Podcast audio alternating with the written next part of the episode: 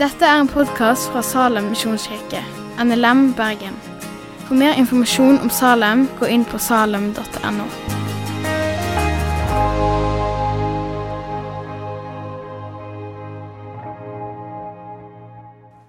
Jeg vil begynne med å legge møtet i Guds hender. Kjære gode far, tusen takk for eh, Salem. Takk at vi kan samles her, og takk at vi får lov å være hverandres eh, menighetsfamilie, Gud. Og takk at du også er midt iblant oss.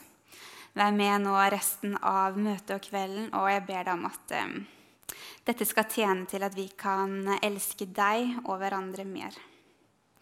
Det ber jeg med ditt navn, Gud. Amen. Og I dag så skal vi fortsette taleserien om Markusevangeliet.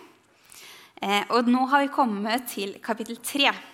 Og Hvis du ikke har hørt de tidligere talene, så ligger de ute som podkast. Så det kan jo være greit å få med seg litt der. Um, og det vi har fått høre så langt, det er jo det at Markusevangeliet Der går Markus rett på sak. Og i første vers så leser vi allerede der Her begynner evangeliet om Jesus Kristus, Guds sønn.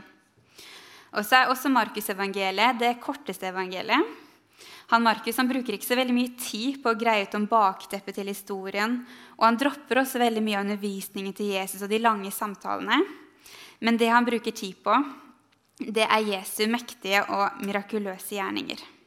Og han er hele tida opptatt av å fremstille Jesus som frelserkongen. da. For han er da kongen som har makt til å helbrede sykdom, han har makt over onde ånder, og han har makt over døden. Og Jesus han er Guds sønn, og det er det Markus ønsker å vise leseren.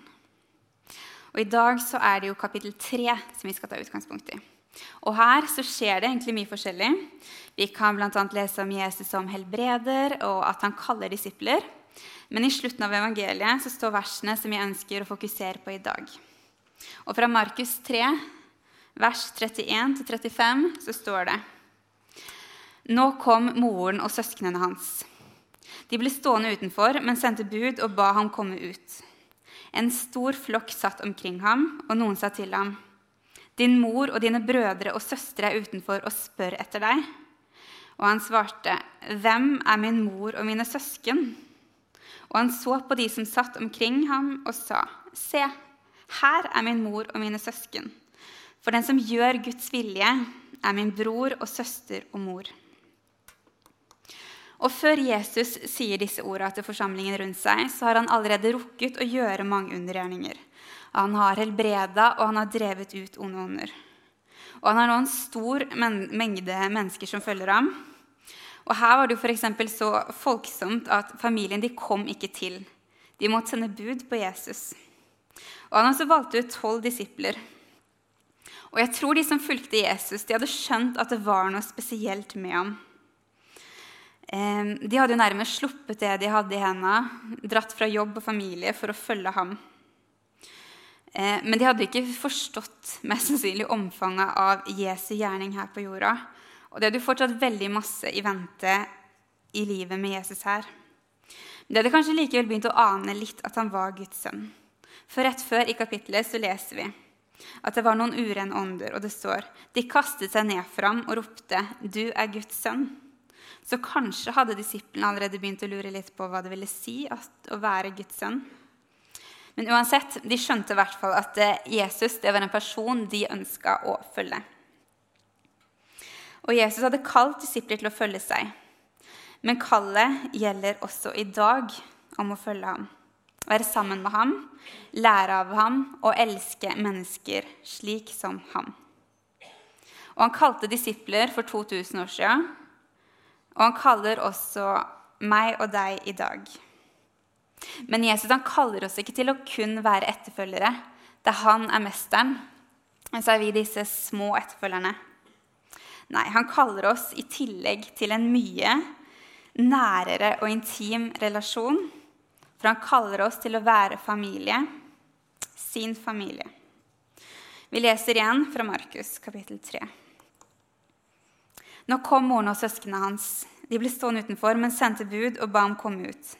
En stor flokk satt omkring ham, og noen sa til ham, Din mor og dine brødre og søstre er utenfor og spør etter deg. Og han svarte, Hvem er min mor og mine søsken? Og han så på dem som satt omkring ham, og sa, Se, her er min mor og mine søsken. For den som gjør Guds vilje, er min bror og søster og mor. Og Hvis Jesus hadde stått her i dag og sett utover denne salen, her, så hadde han sagt, Se, her er min familie. Dere er mine brødre og søstre. For Jesus han kaller oss som tror på ham, og valgte valgt å følge ham for sin familie. Og For å gå litt inn i konteksten som dette her ble skrevet i for Jesus han hadde jo på kort tid fått veldig mange følgere. Og nå var han inne i et bygg, og det var masse mennesker som satt rundt ham da familien, kom, familien hans kom. Og så kanskje kommer de ikke inn pga. alle menneskene der. Eh, så de må jo sende bud på ham. Og kanskje var de bekymra for ham. Han hadde jo fått, nå, fått veldig mange tilhengere. Men han hadde også begynt å skape en del misnøye blant de religiøse lederne. Og de hadde allerede begynt sammensvergelsene om å få ham drept. Um, og jeg tror i hvert fall Maria, helt fra Jesu fosterliv, hun må vist at Jesu han var ikke et vanlig menneske. Men Maria og Josef de fikk jo flere barn etter Jesus, Jesu jordiske søsken. Og de hadde kanskje ikke helt skjønt hvem denne storebroren egentlig var enda. Og kanskje var det derfor de nå kalte på ham. De ville at, at han skulle være med hjem og tilbake til snekkerverkstedet med Josef. Men Det kan være veldig mange grunner til at de kalte på ham, men responsen de får, er likevel noe uventa. For Jesus han avviser dem. Og så kommer han med disse merkelige orda. Når han sier, 'Hvem er min mor og mine søsken?' Og han så på de som satt omkring ham, og sa, 'Se, her er min mor og mine søsken.' For den som gjør Guds vilje, det er min bror og søster og mor. Så han avviste jo faktisk familien sin her. Og så forteller han folkemengden at for ham så er det en type relasjon som er mye sterkere enn den mellom jordiske familiebånd. Og det som er sterkere enn familiebånd, det er når du kjenner Gud og gjør hans vilje. Og Jesus regner allerede deg som familie. Men ved å gjøre hans vilje så viser du at du tar imot hans invitasjon. Og dette her er ord som det må ha gjort inntrykk på disiplene. For samme hendelse står jo nesten identisk gjengitt både i Matteus kapittel 12 og i Lukas kapittel 8. Og hva er det med disse orda som er så spesielt? Hva er det som gjorde så inntrykk at dette her tenkte disiplene Dette huska de og fikk med evangeliene. Det som i alle fall gjorde inntrykk på meg når jeg leser disse versene, det er jo det at Jesus inviterer oss til å bli en del av hans familie. Og jeg tror ikke vi helt klarer å ta inn over oss hvor stort det egentlig er. Tenk at Jesus ønsker å være i familie med oss. Han vil bli assosiert med oss. Eh, og På Jesu tid så var nok familie eller det var enda viktigere enn det det er i dag. Det var en veldig stor del av identiteten din og som en veldig viktig del av sikkerhetsnettet ditt. Mye større enn det er i dag. Og Derfor er det kanskje vanskelig for oss i dag å forstå hvor stort det faktisk er at Jesus kaller meg for sin søster og deg for sin bror. Og så er det jo egentlig i tillegg kjemperadikalt. Rokke liksom ved de biologiske familiebåndene. Og sikkert også litt provoserende for flere av de som hørte på. Kanskje litt provoserende for familien som ble avvist. Og når det er familie, når det, når det betyr såpass mye for identiteten din, slik at hvis du har et familiemedlem som gjør dårlige valg eller eh, dumme ting, så skinner det over på deg. Det påvirker resten av familien. Hvor stort er det ikke egentlig da at Jesus vil bli identifisert med oss? For Jesus han kjenner oss jo ut og inn. Han vet alt om oss, alt vi har gjort, tenkt og sagt. Han vet eh, motivasjonen bak alle valgene jeg har tatt, men han ønsker likevel å kalle meg sin søster. Han hører hva jeg sier, men han ser samtidig hva jeg tenker. Han ser når jeg burde si noe, men ikke gjør det. Ja, de gode gjerningene jeg unnlater å gjøre, de gode tingene jeg unnlater å si. Han ser unnskyldningene mine for det. Så han vet veldig godt at jeg er syndig, uren, langt ifra verdig. Og her kunne jo Jesus tenkt ok da, la gå. Åshild hun kan, hun kan være etterfølgeren min. Men familie, nei takk. Men nei da. Jesus kaller meg sin søster. Han så på de som satt omkring ham, og sa, Se, her er min mor og mine søsken. For den som gjør Guds vilje, er min bror og søster og mor. Så da er det ikke lenger familiebånda, enten om det er foreldre, søsken eller ektefelle, som er den viktigste og mest intime relasjonen. Nei, for den viktigste og mest intime relasjonen, det er den med Gud. Den vi får i fellesskap med ham. Han er nå vår familie. Og Jesus han inviterer oss til et nært fellesskap. Og dette her kan vi jo ta med oss i bønnelivet. For vi ber til ham som ønsker en nær relasjon med oss. Og da kan vi komme med våre dypeste følelser, tanker, lengsler, og vite at det blir tatt vel imot. Han ønsker at vi skal være ærlige og sårbare i møte med ham. Så vi kan komme til ham med alt. Og Paulus skriver.: Vær ikke bekymret for noe, men legg alt dere har på hjertet, framfor Gud.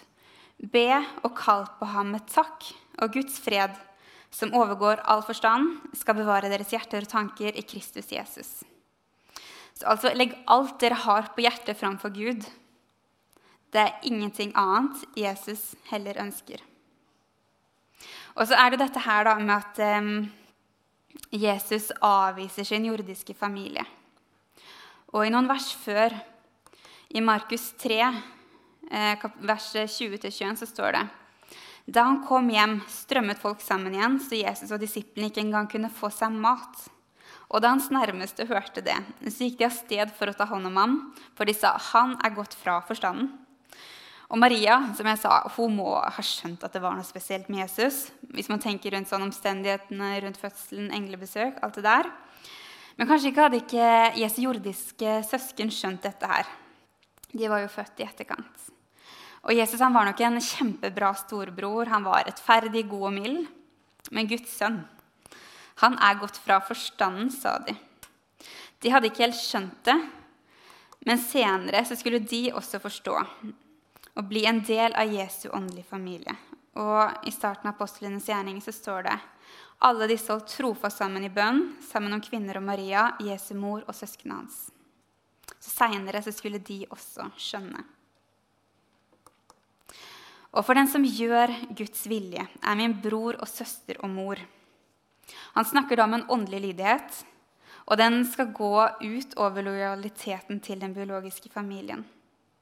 Og et sånt åndelig slektskap det skapes av en lydighet til Gud. Men så må vi ha to tanker i hodet. Vi skal ikke misforstå dette dit hen at kristendommen kristendommen er en gjørereligion, og at du må gjøre deg fortjent til frelse, for det er Bibelen veldig tydelig på.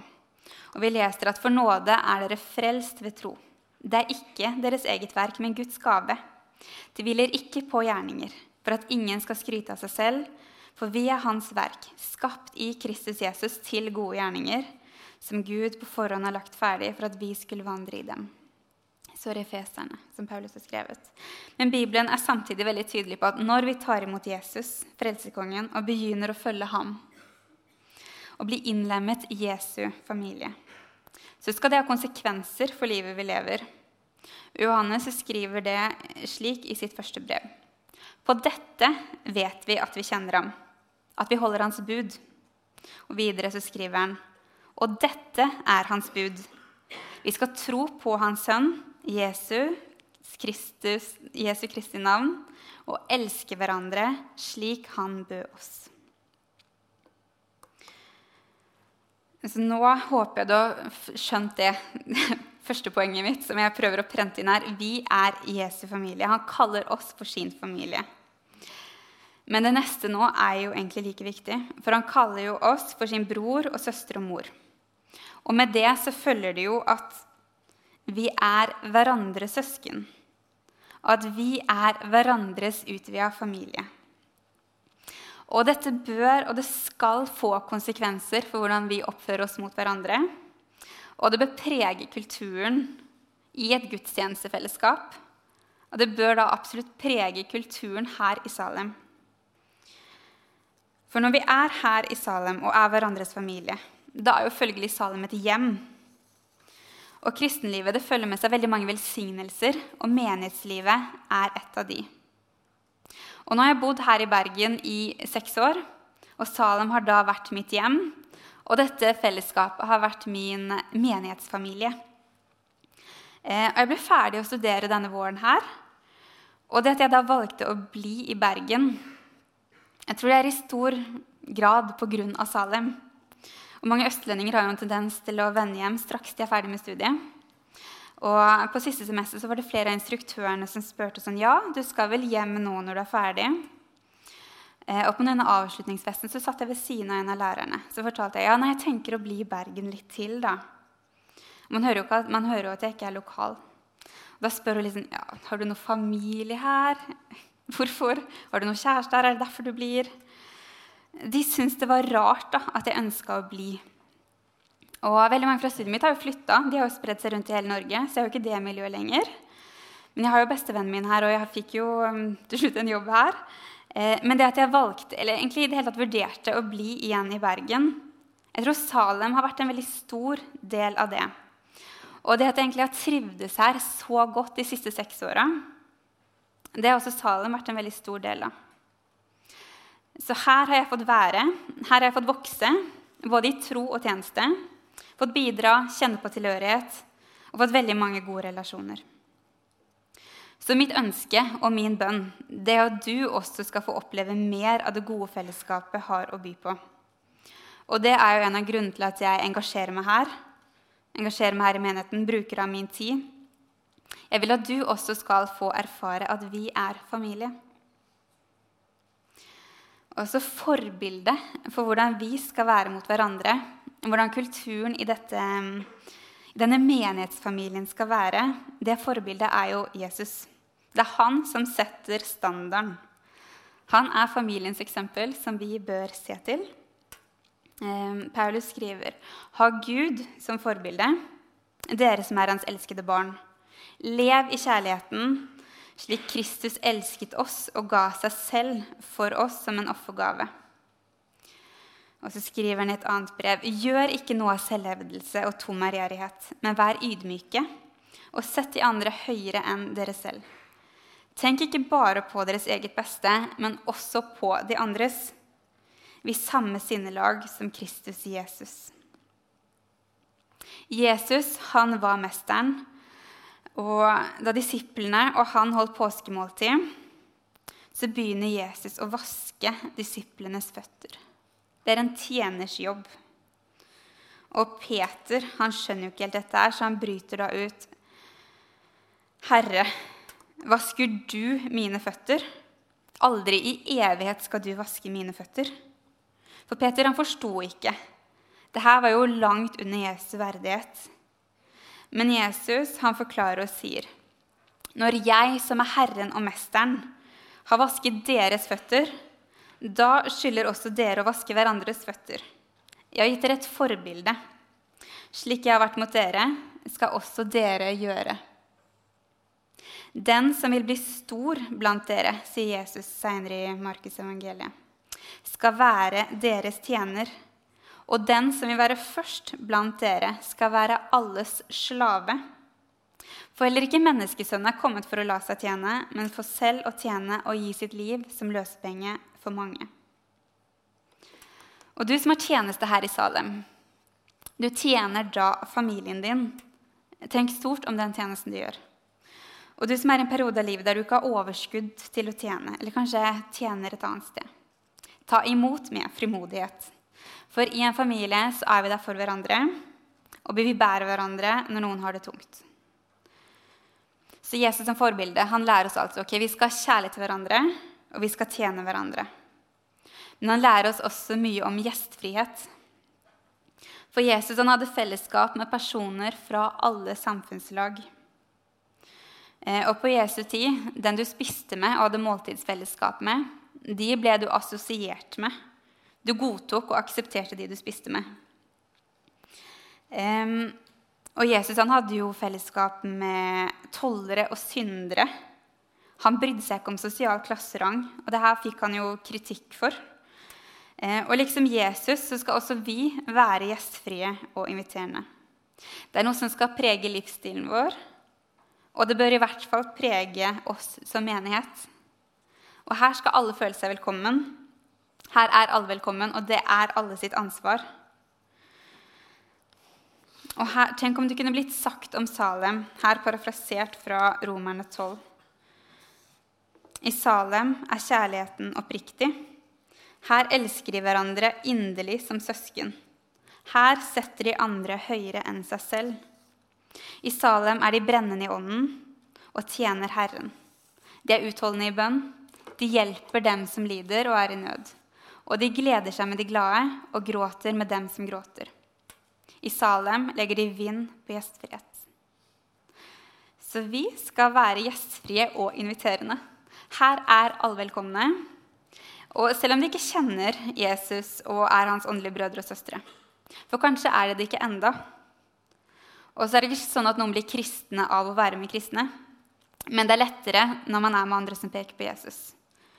Og det er plass til flere i denne familien her. Både i denne Salem-familien, men også i den store familien som er verdenskirken. Og Jesus sier i Johannes 14, eh, vers 2.: I min fars hus er det mange rom. Så hvem er da vi til å si at her er det fullt, eller oppføre oss som at det er fullt? For det er alltid plass til flere brødre og søstre i denne familien. Men så er jo spørsmålet da, er vi en kirke som virkelig har plass? Har vi plass til de som er litt annerledes enn oss selv? Eh, og hvis du lurer på hva svaret i ditt eget liv er, så kan du ta en titt på de vennene du har, og de du omgås. Der kan jeg fort bli svar skyld, i hvert fall. Så har vi egentlig plass i kirken. Orker vi til å inkludere de litt annerledes? Er vi villige til å da ommøblere hjemmet, bruke plassen og ressursene annerledes når det kommer mennesker inn hit som krever noe annet enn det vi er vant til. For det kan koste å inkludere de vi ikke kjenner og er ulike oss.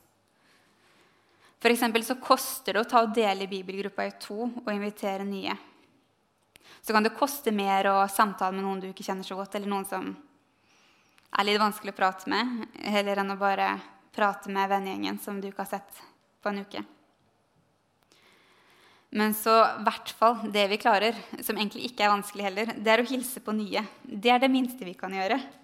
Så hvis møtet nå er ferdig ni, og du er igjen til elleve, så har du to timer. Du klarer å bruke i hvert fall et kvarter av det til å hilse på noen nye, eller ta en prat med noen som du ser kanskje står aleine. Folk trenger ikke vennlighet, de trenger venner. Det sa Kristian, han som var pastor her før Gjermund, i en tale for noen år siden, og det har brent seg litt fast. For vi skal ikke kun være vennlige og tenke at det holder, men vi skal være venner. Men i dag vil jeg dra den enda litt lengre. Vi skal være familie. Og mennesker de trenger en familie. De trenger et sted å høre til. Og Studentenes helse- og trivselsundersøkelse fra, det var langt å si, fra tidligere år den viste at fire av ti studenter de oppga at de hadde få eller ingen venner på studiestedet. Korona kan riktignok være en medvirkende årsak. men det er høyt, høye tall. Og målgruppa her på lørdag er jo unge voksne, og mange her er studenter. Og flere har jo flytta litt vekk nå fra sin biologiske familie for å studere eller jobbe. I denne alderen er det kanskje mange som er litt sånn løsdreva, litt rotløs. Eh, så vi møter veldig mange som ikke kun trenger vennlighet, men de trenger venner. De trenger en familie, de trenger et sted å høre til. Så la oss være en venn for de som trenger det.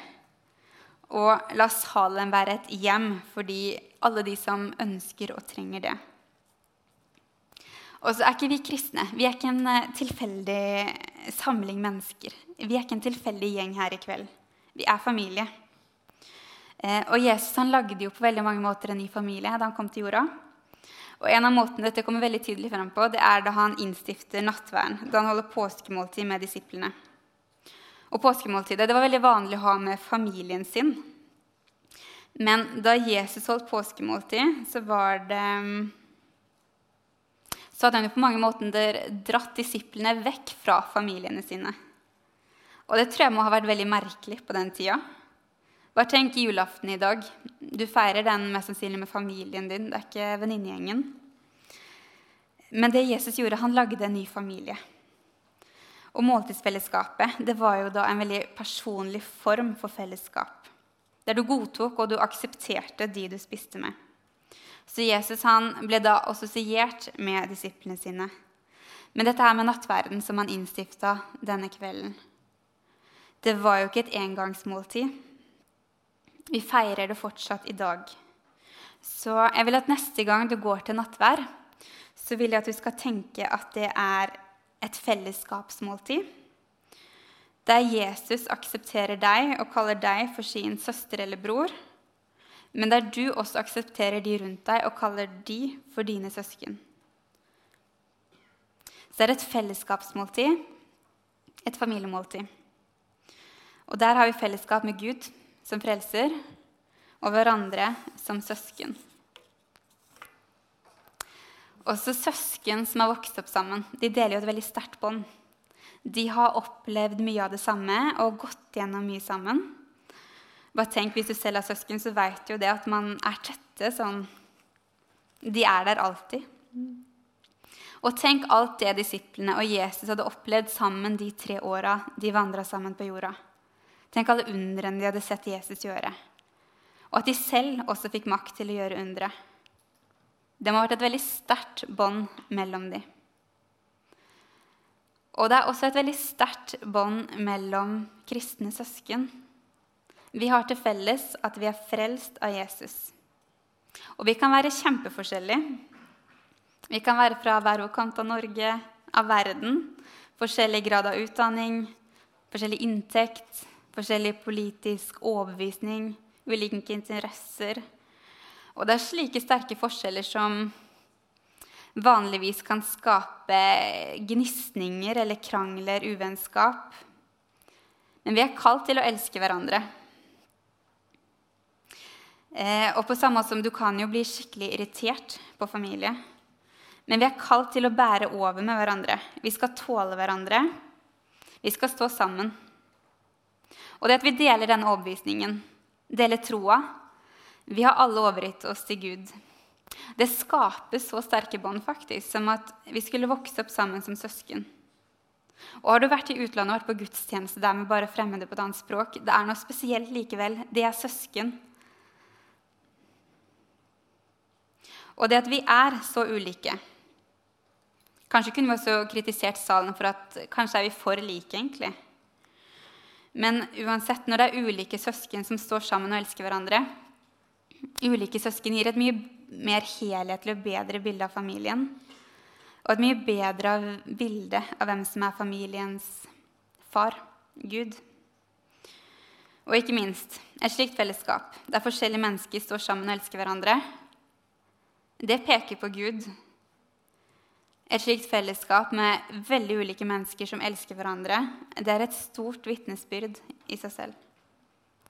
Lovsangstimen, dere kan få lov å komme opp nå.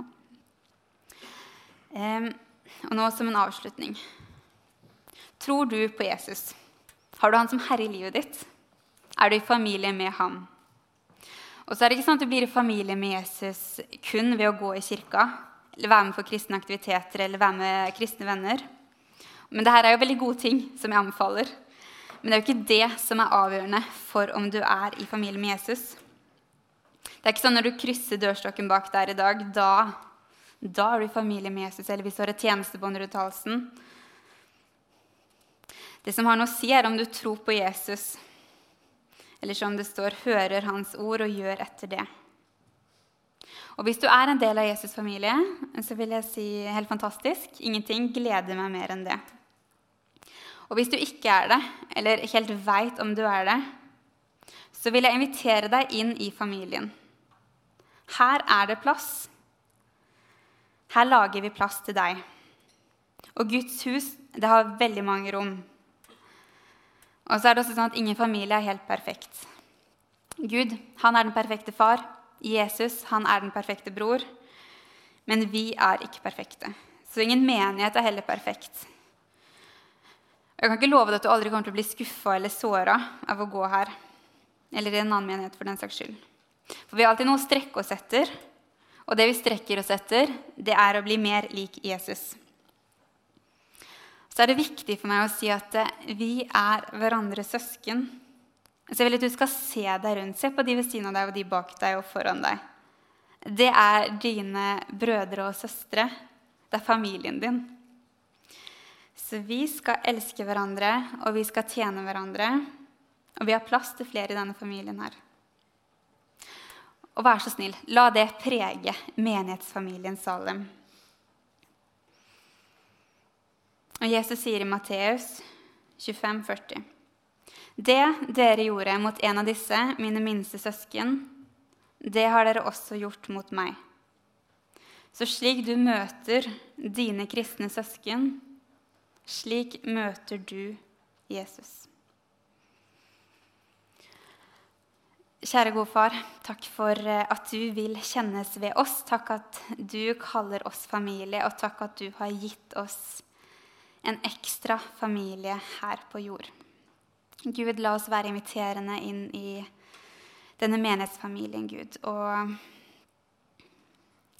la du være i sentrum, og la, lær oss å ha en kjærlighet til hverandre slik du har til oss, og hjelp oss å se hverandre slik du ser hvert menneske, Gud. Jeg ber deg om mer kjærlighet til deg og til hverandre, Gud. I ditt navn. Amen. Takk for at du har hørt på podkasten fra Salem, Bergen. I Salem vil vi vinne, bevare, utruste og sende. Til Guds ære. Vi ønsker å se mennesker finne fellesskap, møte Jesus og bli disippelgjort her i Bergen og i resten av verden. Vil du vite mer om oss, gå inn på salem.no.